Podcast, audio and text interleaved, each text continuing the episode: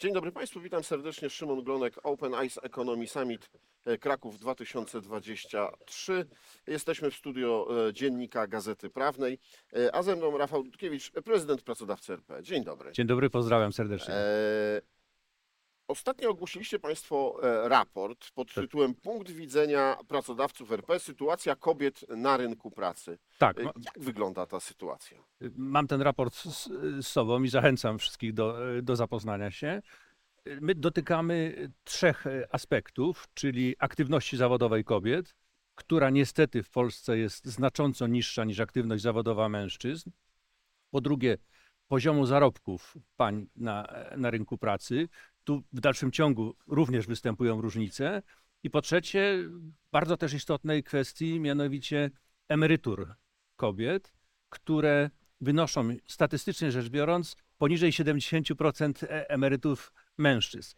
To się wiąże z dwoma faktami czy zdarzeniami. Po pierwsze, często z urlopem macierzyńskim czy z przerwą macierzyńską oraz z tym, że kobiety wcześniej przechodzą na emeryturę. Tym niemniej ta różnica w wysokości emerytury 70% do, do, do, do, do 100%, średnio mężczyzna otrzymuje emeryturę powyżej 4 tysięcy, kobiety około 3 tysięcy, więc to jest bardzo znacząca ró- różnica. No dobrze, I no to... udzielamy też rekomendacji, tak? no tak, co się ma... ma, ma, zdi- zdiagnozowaliście jakie są problemy, no ale co z tym zrobić? No bo jeśli chodzi o wiek emerytalny, to chyba zgodzimy się, że nie ma przestrzeni e, w społeczeństwie na to, żeby administracyjnie e, wymusić podniesienie tego wieku emerytalnego. Przynajmniej przez dłuższy czas y, nie będzie. Na marginesie y, y, poczynię uwagę, ale ta uwaga nie jest żadnego rodzaju zachętą, bo proszę zauważyć, że mamy jeszcze dziwną sytuację. Średnia wieku kobiet, długości życia kobiet jest wyższa niż mężczyzn, zdrowie kobiet szczęśliwie jest lepsze niż zdrowie mężczyzn, a kobiety wcześniej przechodzą na emeryturę niż mężczyźni. Więc, ale te, tego nie należy zmieniać żadnym sztywną, sztywną decyzją. Można stwarzać różnego rodzaju zachęty, które będą, y, będą pozwalały pracować albo będą sprzyjały temu, żeby pracować dłużej. Generalnie rzecz biorąc, jeśli chodzi o młodsze kobiety, no to oczywiście najważniejsza jest kwestia opieki nad dziećmi, w szczególności w tym brakującym okresie dla dzieci do lat trzech. Tego wciąż nie załatwiamy. Po drugie, zwracamy uwagę na to, że szkolenia obejmujące możliwości funkcjonowania przez całe życie są bardzo istotne. Badania statystyczne, to była dla mnie zaskakująca wiadomość, pokazują, że około 60% firm spośród małych i średnich przedsiębiorstw nie prowadzi żadnych szkoleń, bo uważa, że są wystarczająco przygotowani. Więc to jest przestrzeń, w którą trzeba intensywnie, intensywnie wejść. I wreszcie niezwykle istotna jest aktywność polityczna kobiet, czyli reprezentacja w ciałach wykonawczych i ciałach ustawodawczych. Tutaj w dalszym ciągu odstajemy od y, średnich, średnich europejskich. Mam wrażenie, że ostatnio sporo się w tej sprawie stało. Na przykład narracja Platformy Obywatelskiej jest bliska temu, o czym, o czym rozmawiamy, ale jeszcze bardzo dużo, bardzo dużo do zrobienia. No tak, ale y, zostały wprowadzone parytety na przykład na listach wyborczych, no i to kończy się najczęściej tym, że kobiety są gdzieś tam, brzydko mówiąc, upychane na miejscach tak zwanych niebiorących, no ale muszą tam te 30% stanowić na liście. Więc to jest takie trochę, no, kolejna sztuczna y, rzecz. Myślę po pierwsze, że to jest pewien proces i że w tym procesie musimy wyjść z pewnych kalek myślowych. Otóż ja jestem jeszcze z tego pokolenia, w którym jak się czytało, jak dzieci czytały elementarz, to tato był lekarzem, a mama pielęgniarką y, na ogół. Więc przełożenie tego wszystkiego, sposobów myślenia potrwa rzecz jasna dość Mhm. długo, ale właśnie dlatego, żeby ten proces przyspieszyć, potrzebne są czasem takie rzeczy jak, jak na przykład pa- pa, parytety. Proszę zauważyć, i tu znowu skok, skok w bok. Ja robiłem kiedyś taką ścieżkę edukacyjną dotyczącą praw wyborczych kobiet. W niektórych częściach Europy prawa wyborcze kobiet, mówię o jednym z kantonów szwajcarskich, wprowadzono w 1976 roku. Szczęśliwie Polska była jedenastym krajem na świecie, gdzie wprowadzono bierne i czynne prawa wyborcze, ale stało się to dopiero w 1918 roku. No, wcześniej nie było państwa polskiego, No tak. tak? Tym niemniej to jest osiągnięcie cywilizacyjne z początków, z przełomu XIX i XX wieku, czyli rzecz stosunkowo niedawna. Mhm. Bardzo dużo musi się stać w tych sprawach. Powiedział Pan o tej e, e, polityce społecznej związanej z opieką nad dziećmi, szczególnie tymi małymi dziećmi. No ale e, tutaj jest jeszcze kwestia na przykład e, dodatków 800. E, czy takie mm, transfery finansowe też trochę nie obniżają motywacji kobiet do tego, żeby e, zajęły się jednak e, rynkiem pracy, żeby chę, chętniej wracały e, z, m, po tym okresie e, urlopów macierzyńskich do pracy? Program 500 Plus spełnił jedno z zadań, które nie było głównym zadaniem, mianowicie wyciągnął sporą rzeszę Polaków ze stanu ubóstwa. I to jest pozytywna strona tego programu. Nie przyczynił się do kwestii dzietności i nie, przy, nie przyczynił się do kwestii opieki nad dziećmi.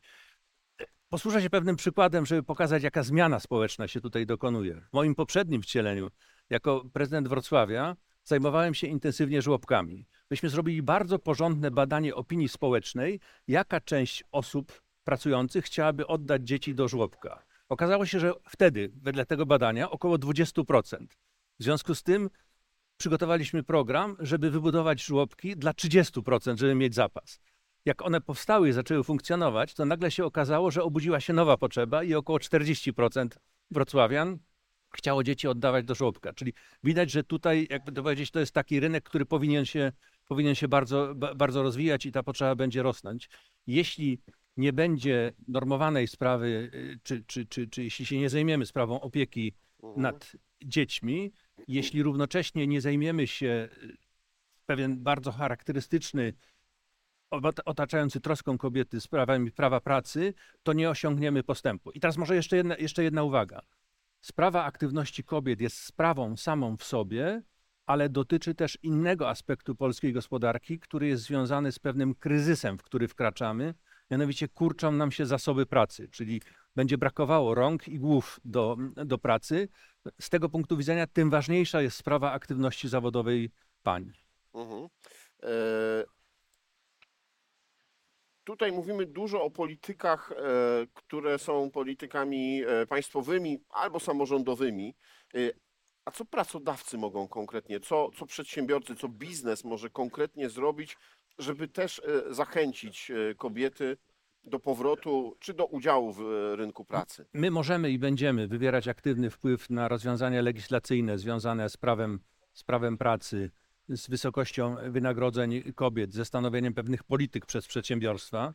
Nasi członkowie będą przez nas, jakby to powiedzieć, inspirowani, aby zajmować się takimi kwestiami i będziemy prezentować dobre, dobre praktyki zmierzające do absolutnego wyrównania zarobków kobiet i- mężczyzn. Po drugie, no w takim prostym aspekcie, którego dotknąłem, jeżeli około 60% firm nie organizuje szkoleń, to tutaj motywowanie przedsiębiorstw, aby się zajmować tym long life learning, czyli szkoleniami przez całe życie, aby przystosowywać się do nowoczesnej gospodarki i do nowych rzeczywistości jest też, jest też bardzo, bardzo istotne. Ale zawsze w gospodarce bardzo dobrze działają dobre przykłady, czyli dobre praktyki powinny być, powinny być y, powielane.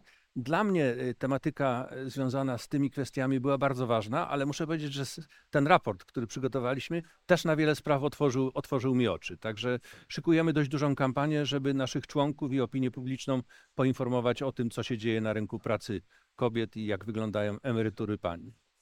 No tak, to e, zachęcam do przeczytania tego raportu, bo e, rzeczywiście na pewno e, wiele inspiracji i, ciekawych danych można się dowiedzieć. Chciałbym jeszcze wrócić do tego wcześniejszego pana wcielenia. Tak jest. Jeśli chodzi o samorząd, to mieliśmy w Polsce mocną rewolucję, jeśli chodzi o finansowanie samorządu. Zresztą mocną rewolucję, jeśli chodzi o wszystkie podatki. Polski Ład, który no, odbił się czkawką wielu. Samorządy też podnosiły zastrzeżenia, że e, będą miały kłopot z finansowaniem e, swoich em, najpilniejszych nawet zobowiązań, które wynikają z, z działalności. E, Pan uważa, że poza tym, że e, no, jest jakiś tam udział w PIT-cie, który jest e, coraz mniejszy niestety, e, w CIT-cie, jeszcze samorządy powinny móc korzystać z VAT-u.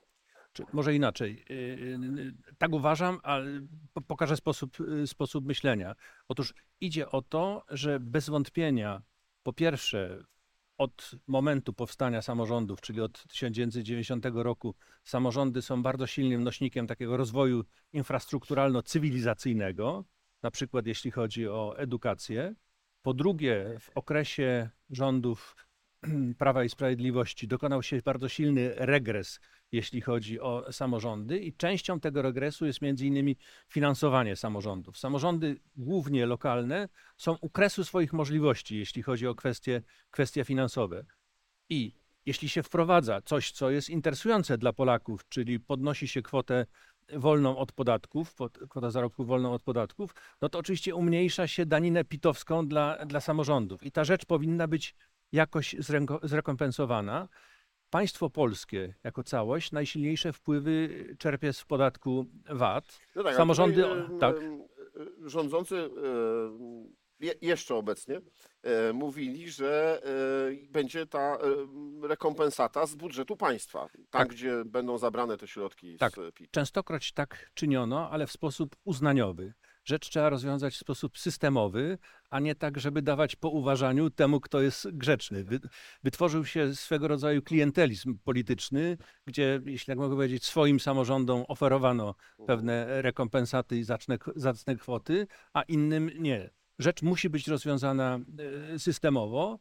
Tym źródłem, które ja od lat, jeszcze zanim nastał PiS, wskazywałem, no, najlepiej byłoby, gdyby był właśnie podatek e, VAT, choć poszczególne i kolejne rządy bardzo się przed tym, bardzo się przed tym broniły. No, to Ale jest ra- główny zastrzyk e, do, do budżetu Do- finansów. No. Tak jest, ale raz jeszcze, po pierwsze mamy deklarację powstającej koalicji, że sprawy samorządów będą bardzo ważne.